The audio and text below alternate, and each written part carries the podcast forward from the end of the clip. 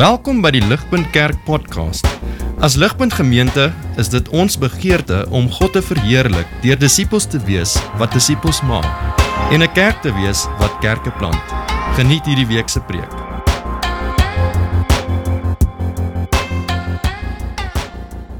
Vriende, uh in 'n in 'n wêreld nê nee, waar soveel goedere en dienste aan jou en my die hele tyd verkoop word, is daar 'n bemarkingstaktiek wat genoem word 'n buiten switch. 'n buiten switch uh, wat ten beste so klein bietjie slinks is en uh, ten slegste oneties is, nee. Dit is waar ek en jy gekry word om um, om op te teken vir iets, om te besluit om om iets aan te koop of om op te teken vir iets, maar waar die werklike koste daarvan so klein bietjie van jou en my teruggehou word aanvanklik ten minste. Aanvanklik besef ons nie heeltemal wat dit ons gaan kos nie. En ons baie voorbeelde van dit. Die een is waar ek en jy gevang word met die klein skrif. Nee, dit gebeur baie kere. Ek wil so 'n voorbeeld daarvan sal wees. Ek sal nie name noem nie, maar jy kan self uitfigure van ligrederye, nê, nee, wat vir jou sê luister hier, vandag is die dag wat jy sê in hierdie tyd en hierdie ure gaan opspring, dan kan jou kinders verniet vlieg en so jy los alles en jy klim op die op die op op die internet sodat jy hierdie kaartjies kan koop en net voor jy betaal dan sien jy die klein skrif wat sê let wel dit is een kind per volwassene wat 'n probleem is as jy vier kinders het. Maar jy het al soveel tyd in dit spandeer jy klaar in jou kop klaar die vakansie beplan en gedroom en so dan koop jy maar vir almal kaartjies en die bagasiegelde en al die belastinggelde en dan maak hulle nog steeds lekker geld uit jou uit. 'n ja, ander voorbeeld van hoe ons gevang word met hierdie goeders is is is is wanneer ons gevang word met die inherente koste van 'n ding, nê. Nee. Printers is die klassieke voorbeeld daarvan. Jy koop 'n printer is awesome, hy kos jou net R1000, maar jy vergeet dat in daai printer is daar 'n cartridge wat jou R500 kos en so hulle gaan anyway lekker geld uit jou uitmaak. 'n Derde voorbeeld van dit is wanneer ek en jy gevang word met langtermyn eskalerende kostes. So jou gym hardloop hierdie special ehm um, vir die volgende 6 maande teen R150 kan jy opteken by die gym. Awesome. Jy skryf en jy skryf op vir dit na 6 maande skuif dit op na R600 toe 'n maand. Maar nou is jy al so gehoek op endorfines. Jy's so gewoond aan die gym instructors daar dat hulle het jou. Hulle het jou gevang. En vriende, ek begin hierso. En dit skaam my om dit te sê, maar die realiteit is dat wanneer dit kom by evangelisasie is ons as die westerse kerk baie kere skuldig aan 'n soortgelyke bait and switch taktiek. In ons begeerte baie kere om ander mense aan te spoor om disippels van Jesus te raak, wat ek en jy baie kere doen, is ons is geneig om so klein bietjie die klein skrif van disippelskap net so klein bietjie kleiner te maak. Ons is geneig om die inherende koste daarvan, die langtermyn implikasies daarvan, indien jy sou besluit om 'n disipel van Jesus te word, wel ons conveniently baie kere bly so 'n bietjie stil daaroor. Ons geneigtheid is baie kere om die deur so wyd as moontlik oop te maak en die hoogspringlat so laag as moontlik te stel sodat soveel as moontlik mense kan opteken om disippels van Jesus te word. Ons doen dit so baie kere in die naam van God en Christendom, vriende. Maar wat ek graag wil hê ons vandag oor moet saam dink en dit was vir ons gelees in daai gedeelte en ek en ek hoop jy het dit gelees en ek hoop dit het jou getref. Ek hoop dit het jouself so klein die laat regop sit is dit as ons kyk na Jesus in sy aardse bediening toe hy disippels gemaak het, het Jesus was hy nie skuldig aan hierdie buiten switch taktik nie. Jesus het uit die staanspoor uit dit bitter duidelik gemaak vir elkeen wat dit oorweeg het om sy disipel te word, het Jesus gesê besef besef wat die koste sal wees as jy my volgeling gaan wees. En vriende, dit is wat ek graag wil hê ons moet vandag na kyk. Ek dink nie daar's 'n plek in al Jesus se woorde en al die evangelies waar ons sien waar Jesus hierdie punt, die koste van disippelskap so duidelik maak soos hier in Lukas 14. En hier dan is die ongelooflike aankondiging Hierdie ongelooflike stelling van Jesus wat ek graag wil hê ons vandag oor moet saam dink en oor moet besin. Kyk saam met my daar in julle blaadjies en hou dit asseblief die hele tyd byderhand. Maar kyk saam met my daarso na vers 26 hier. Hier is die ongelooflike stelling wat Jesus gemaak het. Vers 26: If anyone comes to me and does not hate his own father and his mother and his wife and his children and his brothers and his sisters, yes, and even hates his own life, he cannot be my disciple. En dit is al wat ek eintlik wil hê ons vandag op moet fokus. Is spesifiek daai vers. Ons wil onsself afvra vandag vriende, wat bedoel Jesus met daardie ongelooflike aankondiging van vers 26? En tot wat presies roep Jesus ons daar? Nou soos wat ons gaan kyk na daai vers nou vriende, wil ek hê dat ons moet eerstens dus verstaan wat Jesus daarso sê en en hierdie is by the way net so klein bietjie van 'n tip van jou as jy ooit na die Bybel toe kom en daar's 'n spesifieke vers wat jy nie lekker seker is wat gaan in hierdie versie aan nie, dan gewoonlik is die antwoord om jou te help om daai vers te verstaan is die konteks. En dit is presies dieselfde hier en dit is wat ek graag wil hê ons moet sien. Ek wil hê ons moet sien wat Jesus bedoel met vers 26 en dan gaan ek wil net wil ek net hê ons moet na twee implikasies van daai waarheid wat Jesus in vers 26 kommunikeer. Wil ek hê met ons oor twee implikasies van daai waarheid nadink. So eerstens dan wat bedoel Jesus met hierdie ongelooflike woorde van vers 26? Ons het gesê konteks is die antwoord. Hier's die eerste ding. Vriende, kyk saam met my raak daarso wie Jesus hier direk mee gepraat het. Dis belangrik vir jou om vir my te verstaan met wie Jesus gepraat het. Kyk aan vers 25. Jesus praat vriende met die groot menigte. Die Engels verwys daarna as die great crowd. Nou reg deur die evangelie van Lukas veral verwys die groot menigte na daardie mense wat aanvanklik baie opgewonde was oor Jesus. Hulle het geloof al hierdie wonderwerke wat Jesus gedoen het en hulle het aan Jesus se lippe gehang. En so daar was hierdie great eh, eh, crowd van aanhangers wat agter Jesus aangestap het. Maar regdeur vir al die evangelie van Lukas verteenwoordig hierdie groot menigte van mense, 'n groep van mense wat ja opgewonde raak oor Jesus, maar hulle entoesiasme oor Jesus is eintlik bitter oppervlakkig. Eintlik is hulle in hulle najaag van Jesus sien jy regter die evangelie van Jesus is hulle eintlik baie selfgesentreerd. Hulle volg vir Jesus vir dit wat hulle uit die deal uit gaan kry. Reg teen die einde van die evangelie gaan die einste great crowd die ouens wees wat gaan uitroep en sê kruisig hom. Kruisig hom en so baie van hulle gaan dan wanneer push comes to shove gaan hulle rug omdraai en van hom af wegkeer. Met ander woorde vriende, Jesus se woorde, hoor mooi hier in vers 26, word gerig aan 'n mense wat vir selfgesentreerde motiewe na Jesus toe kom. Jesus se woorde hier is spesifiek vir mense wat 'n oppervlakkige verstaan het van wie Jesus is en wat dit beteken om Jesus te volg. Hier's die die tweede ding in die konteks wat ek en jy moet verstaan as ek en jy gaan verstaan wat Jesus in vers 26 bedoel sien raak tweedens nou saam met my vriende in daai gedeelte wat Jesus net voor hierdie stelling gesê het wat ons vind daar in vers 26. Dit is wat ons daar vind in vers 15 tot 24, hierdie baie bekende storie wat genoem word die gelykenis van die groot feesmaal.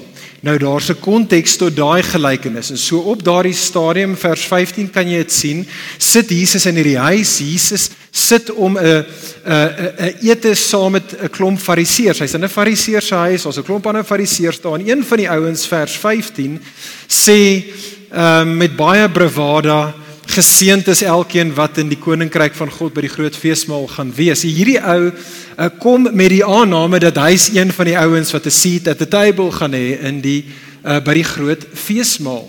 En so Jesus vertel dan hierdie gelykenis. Jesus sê dat daar was hierdie eienaar van hierdie groot huis. En die eienaar het sy dienskneg uitgestuur en hy het vir sy dienskneg gesê: "Gaan uit en gaan nooi my gaste om te kom na my feesmaal toe. En so die dienskreg kom by die eerste huisie vir hom kom, jy's genooi om aan te sit by die eienaar se groot feesmaal en die eerste huisie vir hom man, hoorie dit sou baie nice gewees het, maar ek het nou net hierdie landery gekoop en so ek moet so klein bietjie dit gaan bewerk. So sorry, volgende keer, ek gaan dit nie maak hierdie keer nie. Die dienskneg gaan na 'n tweede ou toe en die dienskneg sê vir hom kom, jy's genooi na die groot feesmaal van my eienaar toe en daai ou sê vir hom, weet jy ek het nou net 'n klomp beeste gekoop en man, hulle lyk net te lekker nie. Ek moet hulle gaan dokter. So sorry, next time. En so die dienskneg gaan na 'n derde ou toe en sê vir hom kom. Jy's genooi na my eienaar se groot feesmaal toe en hy sê vir hom hoorie, ek het letterlik laasweek getrou. Ek is nog op honeymoon. Ek, ek moet 'n bietjie kwaliteit tyd saam my vrou spandeer. Ek kan nie nou kom na jou uh, eienaar se feesmaal toe nie. Waarop in Jesus se gelykenis ons sien die gasheer was toe woedend.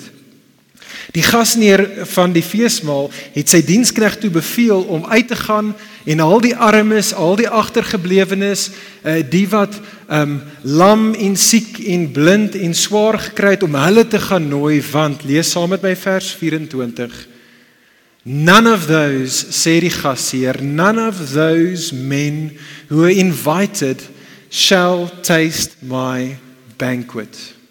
Vriende, hier's die punt van die gelykenis, hoor mooi.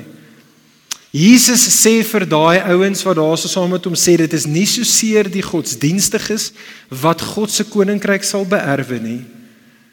Dit is eerder die wat die ewige feesmaal saam met God as meer kosbaar ag as enigiets anderste in hierdie lewe wat vir hulle kosbaar is. Dit is hulle wat eendag by die ewige feesmaal sal wees. En vriende, hoor mooi, dit is dan die punt van vers 26. Kyk weer saam met daarna vers 26. Vriende, wanneer Jesus in vers 26 die groot menigte roep om hulle families en hulle geliefdes, hulle naasbestaandes inderdaad selfs hulle eie lewens neer te lê, dan is Jesus nie besig om te sê dat ons moet ons geliefdes en families en selfs ons eie lewens letterlik haat nie. Natuurlik is dit nie wat Jesus bedoel nie. Seker Jesus, een van Jesus se bekendste leringe is waar Jesus sê dat jy moet jou naaste lief hê soos jy jouself moet lief hê. En so Jesus bedoel nie daarso jy moet letterlik jou families haat nie. Wat Jesus daarmee bedoel, vriende, is dat jou jou geliefdes, jou naasbestaandes inderdaad jou eie lewe net dit dit kommunikeer, dit simboliseer hierdie daardie dinge in ons lewens wat vir jou en vir my in hierdie lewe die kosbaarste is. Hierdie is Jesus se punt. Hoor mooi. Vriende, Jesus sê in hierdie gedeelte vir sy aanvanklike vir daai groot menigte daar en Jesus sê vanoggend vir ons hier Jesus sê vir ons dat indien daar iets Ekskuus tog. Indien daar iets is in hierdie wêreld wat vir jou meer kosbaar is, sê Jesus, as wat ek vir jou is. In die taal van die gelykenis, as daar iets in hierdie lewe is wat vir jou 'n groter prioriteit is, as om saam met my eendag by die ewige feesmaal aan te sit, dan sê Jesus, is jy nie gereed nie. Dan is jy nie geskik om my volgeling te wees nie, sê Jesus. En vriende, ek en jy kan seker wees dat dit is wat Jesus in vers 26 bedoel, want nie net voor hierdie gedeelte nie, maar dit wat Jesus dan net hierna in die res van ons gedeelte gaan sê, gaan Jesus dit nog duideliker vir ons uitspel. Kyk saam met daan vers 27. Vers 27 sê Jesus, whoever does not bear his own cross and come after me cannot be my disciple. 'n Kruis natuurlik in Jesus se tyd soos wat dit in sy eie lewe was. 'n Kruis simboliseer of is 'n simbool van dood.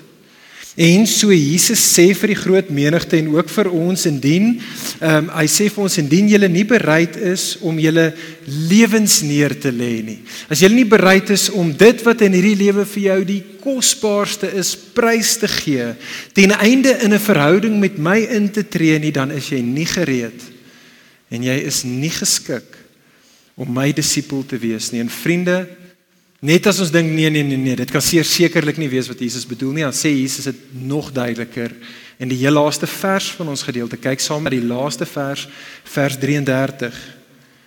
Jesus sê in vers 33 so therefore. Hy therefore beteken hier is die opsomming. Hier is die opsomming van alles wat ek nou gesê het. So therefore any one of you who does not renounce all that he has cannot be my disciple.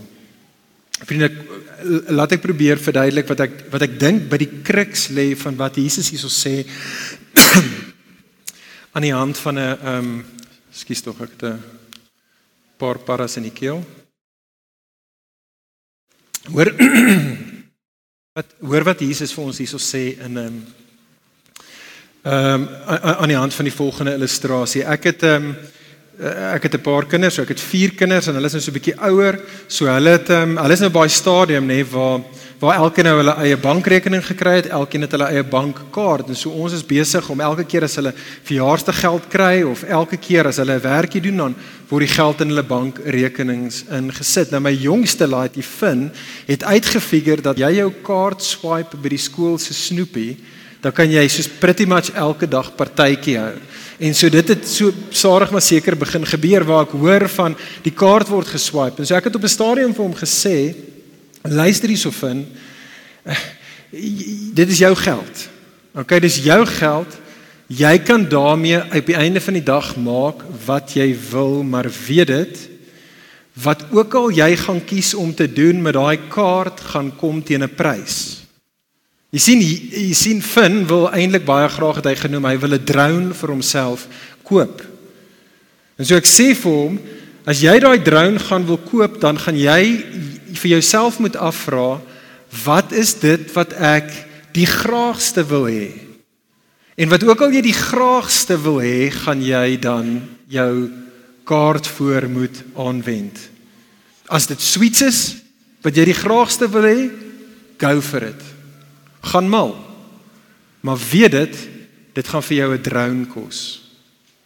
Maar as dit die drone is wat jou grootste begeerte is, weet dit dan, dit gaan vir jou baie van die sweets by die snoepie kos. En vriende, dit is in effek, dit is die die kruks van wat Jesus in hierdie gedeelte jou en my kommunikeer. Vriende, hoor mooi. Jesus wil elke liewe een van ons by daai teeaansluiting, die grootste teeaansluiting van die lewe bring. Waar Jesus vir jou en vir my vra, wat is jou hart se punt? Wat is vir jou, vra Jesus, bo alles anders in hierdie lewe mees kosbaar? Want weet dit, wat ook al vir jou kosbaar is, sal jou kos.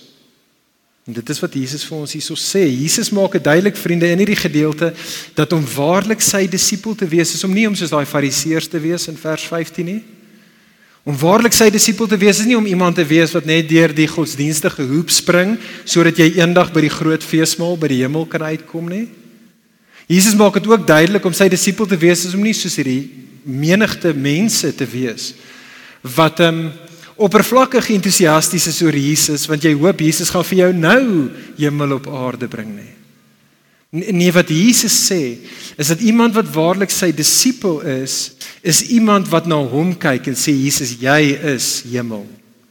Jy is vir my meer kosbaar as enige iets en enige iemand anders. Vriende, dit is wat dit beteken om 'n disipel van Jesus te wees. Dit is wat dit beteken om 'n Christen te wees. Om Jesus se disipel te wees is om iemand te wees wat sê Jesus, ek wil jou hê wat ook al dit my gaan kos. Jesus, ek wil jou beter leer ken en ek wil gemeenskap met jou geniet. En dis wil ek jou volg. En ek is so gretig Jesus om jou te hê as die grootste kosbaarste skat van my lewe dat soos ek jou volg sal ek alles agter my los wat nodig is om agter my gelos te word om om jou te volg. En Jesus, ek sal wat ook al die bagasie is, wat ook al die kruis is wat ek moet optel en en dra, soos wat ek agter jou aanstap, Jesus, ek sal dit doen. Ek sal agter jou aanstap. Vriende, kyk saam met my hier na die woorde van Dietrich Bonhoeffer. Uh Dietrich Bonhoeffer terwyl ons wag vir dit om op die skerm te kom. Dietrich Bonhoeffer was 'n Duitse uh teoloog en 'n pastoor wat in die uh Tweede Wêreldoorlog opgestaan het teen Hitler. Nog nie daar lees nie, ons sal nou dit saam lees. En hy het opgestaan teen Hitler en en uh en en hy was toe in die tronk gegooi en die hartseer uh, storie is dat letterlik ek dink dit was soos 'n paar weke voor die einde van die Tweede Wêreldoorlog toe was Dietrich Bonhoeffer ter dood veroordeel. En soos wat hy uh en en en een van die dinge in daardie laaste jare wat Dietrich Bonhoeffer geskryf het, was 'n boek van die naam The Cost of Discipleship. En ek wil graag hê ons moet net die volgende woorde hoor van wat Dietrich Bonhoeffer sê in sy boek The Cost of Discipleship. Hy sê, hierdie is nou 19 met 40s. Hy sê the cross is laid on every Christian. The first Christ suffering which every man must experience is the call to abandon the attachments of this world. It is that dying of the old man which is the result of his encounter with Christ. It is as we embark, so as dit begin, it is as we embark upon discipleship that we surrender ourselves to Christ in union with his death. We give our lives to death. Thus it begins. The cross is not the terrible end to an otherwise God fearing and happy life, but it meets us at the beginning of our communion with Christ. When Christ calls a man, he bids him come and die. En so vriende, al wat ek wil hê ons moet doen in die res van ons tyd saam is ek wil hê ons moet net saam nadink oor twee implikasies van hierdie ongelooflike stelling van Jesus in Lukas 14 vers 22. Twee implikasies vriende, as ek en jy begryp wat Jesus hier sê oor homself as die een wat kosbaar is en disippelskap wat wat kom teen hierdie grootste van kostes. Die eerste ding is vriende bereken Eerste implikasie vir jou en vir my, bereken die koste daarvan om vir Jesus te volg. Bereken die koste daarvan om vir Jesus te volg. Kyk baie vinnig saam met my weer in ons gedeelte. Het jy gesien Jesus het daar in die tweede helfte van Lukas 14 gee Jesus vir ons twee prentjies. Het jy gesien twee illustrasies wat Jesus gebruik? Jesus sê in vers 28 tot 30, hy gebruik hierdie prentjie illustrasie van 'n bouer wat 'n toring wil bou en Jesus sê dat voordat 'n bouer daai toring kan bou, moet hy eers stop Hy moet eers 'n kosteberekening doen en hy moet homself afvra, het ek die genoegsame vernuf, het ek die geld, het ek die manskappe om hierdie projek deur te kan sien? Want sê Jesus as hy nie daai kosteberekening in die begin doen nie, dan gaan hy 'n halwe gebou bou, dit gaan 'n mirasie wees en hy gaan bespot word daarvoor. Jesus gee dan 'n tweede presies dieselfde illustrasie wat dieselfde punt maak. En Jesus sê dieselfde is waar vir 'n koning wat homself in 'n in 'n stryd vind en 'n oorlog vind teen 'n ander koning voordat hy besluit om 'n fight te piek met 'n ander koning moet hy eers stop. En hy moet eers vir homself afvra het ek dit wat dit nodig is die nodige manskappe en vernuf om hierdie fight te wen? Want sê Jesus as die koning dit nie doen nie wel dan gaan dit tot sy ondergang lei En vriende, so sê Jesus vir jou en vir my, is dit van absolute kardinale belang vir elkeen wat besluit om 'n disipel van Jesus te wees om eers te stop voordat jy opteken, voordat jy die altarkol doen om eers te stop en te begryp wat dit is wat Jesus in hierdie verhouding waar jy nou sy volgeling gaan wees. Jesus sê jy moet eers stop en begryp wat Jesus van jou gaan vra en wat Jesus van jou gaan vereis, naamlik alles. Dit is wat dit beteken om 'n Christen te wees. 'n Christen is iemand wat wat besef wie Jesus is, wat die gewig hoor van wat dit beteken om vir Jesus te volg en wat dan die som gedoen het en dan vir Jesus sê neem my lewe laat dit Heer u gewy wees meer en meer. Dit is vriende wat dit beteken om 'n disipel van Jesus te wees. En so kan ek jou vra as jy vanoggend hier so saam met ons is en jy is nog nie 'n disipel van Jesus nie, kan ek kan ek vir jou vra voordat jy besluit om vir Jesus te volg, bereken die koste. Bereken die koste. Soos Bonhoeffer vir ons gesê het, when Christ calls a man, he bids him or her come and die. En so nie Christen wees onder geen illusie nie. Dit is wat Jesus almal van ons tot roep. Ja, Jesus roep ons tot 'n nuwe lewe. Maar 'n nuwe lewe impliseer dat daar 'n ou lewe wat ek en jy nodig het om neer te lê. Nie Christen as jy sou besluit om vir Jesus te volg, weer dit goed.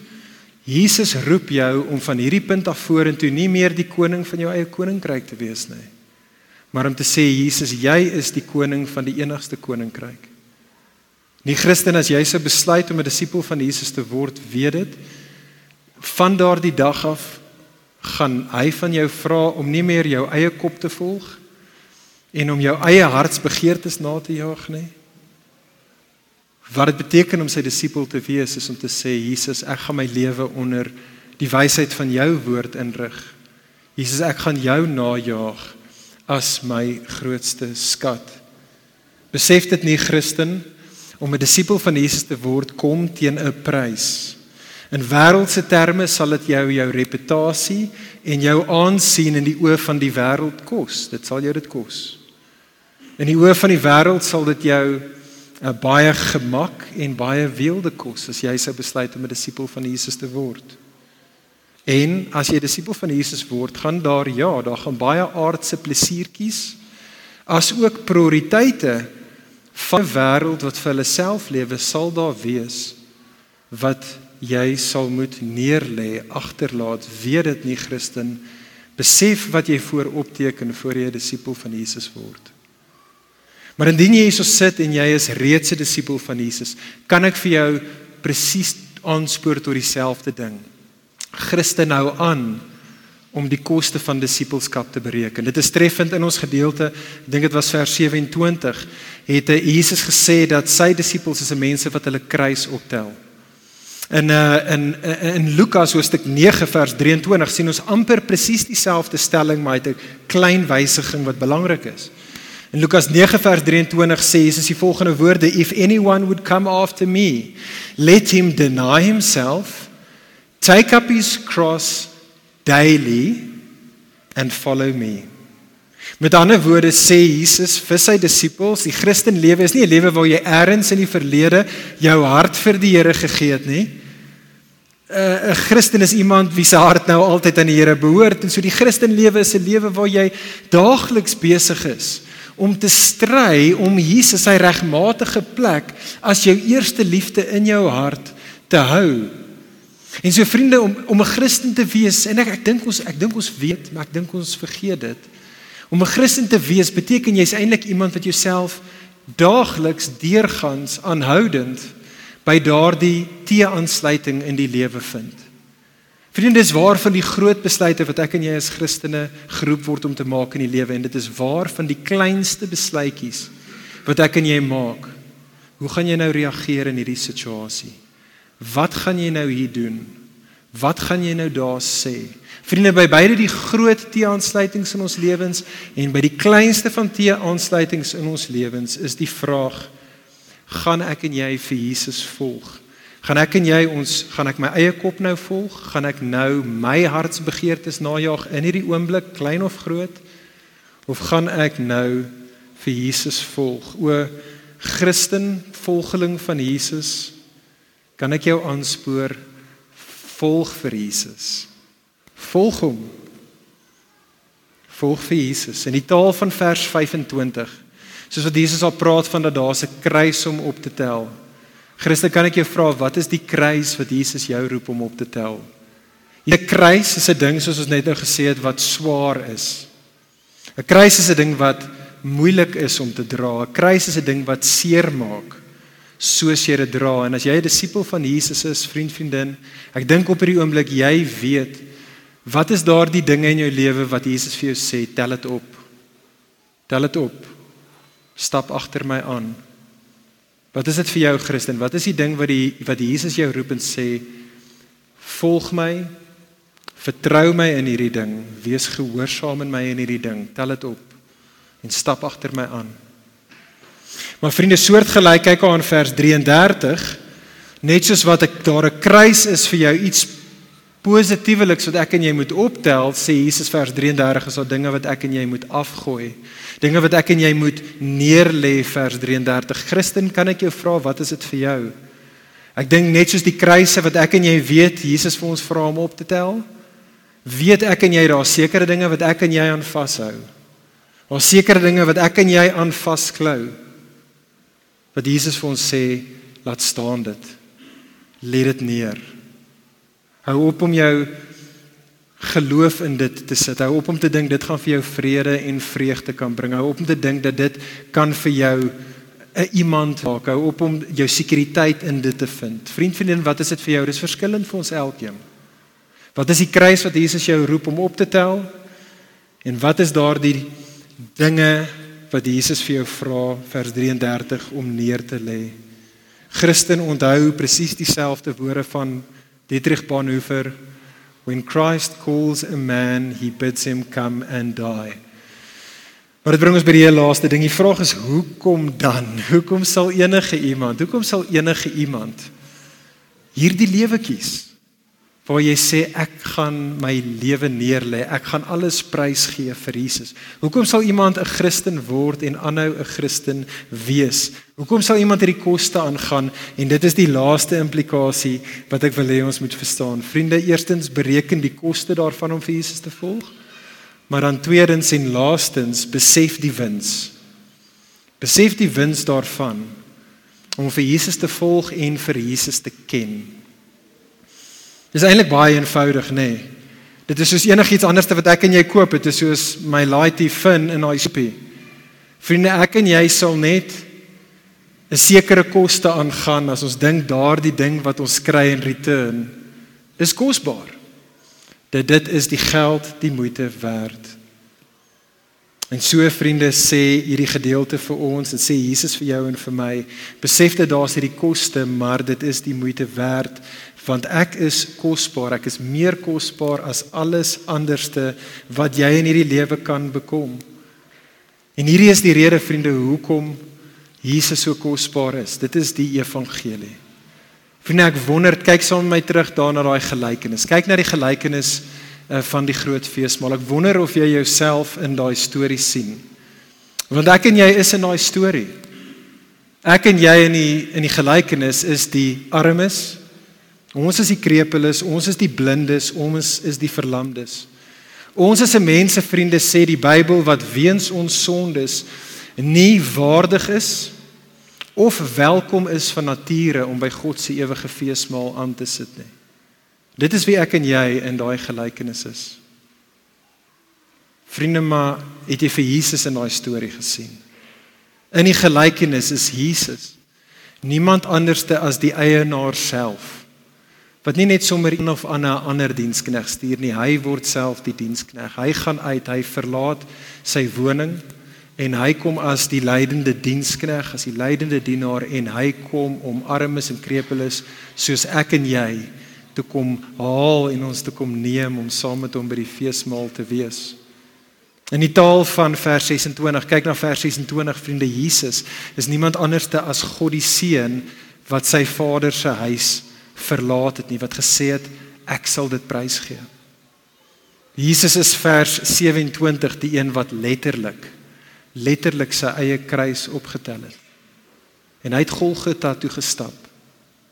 En Jesus het goed geweet wat dit hom sal kos. Jesus het op daai kruis gegaan en daar het hy as die een wat God se koninkryk gebou het, was hy daar bespot. En hy was daar as die ware koning Het dit vir 'n oomblik gelyk asof hy totaal en al verslaan is. Vriende Jesus vers 33 het alles prysgegee. Selfs sy Vader se teenwoordigheid en sy Vader se ins. Jesus het dit alles neergelê. Hoekom? Sodat ek en jy wat buite die huis was wat nie welkom was of wat nie waardig was nie sodat hy ons kan kom kry het sodat hy ons kon kom koop het sodat hy ons kom haal het sodat Jesus vir jou en vir my kan sê kom jy is nou welkom by my Vader se ewige feesmaal. Hoor asseblief tog mooi vriende hierdie is die hierdie is die eintlike wins daarvan om vir Jesus dan te ken. Om vir Jesus te ken hierdie is die wins. Dit is nie uiteindelik so seer dat jou en my sondes vergewe word nie. Dis great. Maar dis nie die ultimate ding nie. Die wins van disippelskap is ook nie eers dat ek en jy eendag by die ewige feesmaal gaan wees nie. Dis great. Maar dit is ook nie die disippels van Jesus se grootste skat nie. Die grootste kosbaarste van skatte vir Jesus disippels is dat hulle vir Jesus het. Dat hulle nou op hierdie paadjie soos wat hulle op pad is na die ewige feesmaal toe dat hulle nou saam met Jesus kan woon en wandel, dat hulle saam met hom die lewe doen. En dat hulle dan vir alle ewigheid saam met hom by daai tafel gaan sit en dan hom gaan geniet vir alle ewigheid. Vriende, dit is die wins van Christendom. Sluit hiermee af. Ek sluit hiermee af. Vriende, weet dit goed. Weet dit asseblief goed. Lees die klein skrif om 'n disipel van Jesus te word en om 'n disipel van Jesus te wees, gaan jou kos. Dit gaan vir jou kos, maar dit is 'n koste wat jy wil aangaan. Want deur daai koste aan te gaan, word jy nie armer nie, jy word ryker. Want dit gee vir jou Jesus en hy is die kosbaarste van skatte. En so vriend vriendin, mag ek en jy wys wees.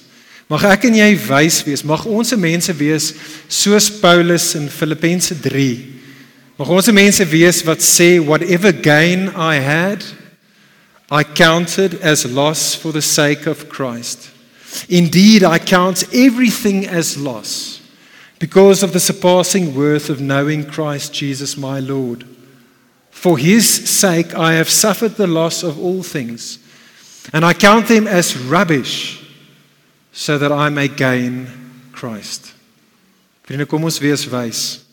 Kom ons gee ons lewens vir dit wat die kosbaarste van skatte is. Kom ons bid saam.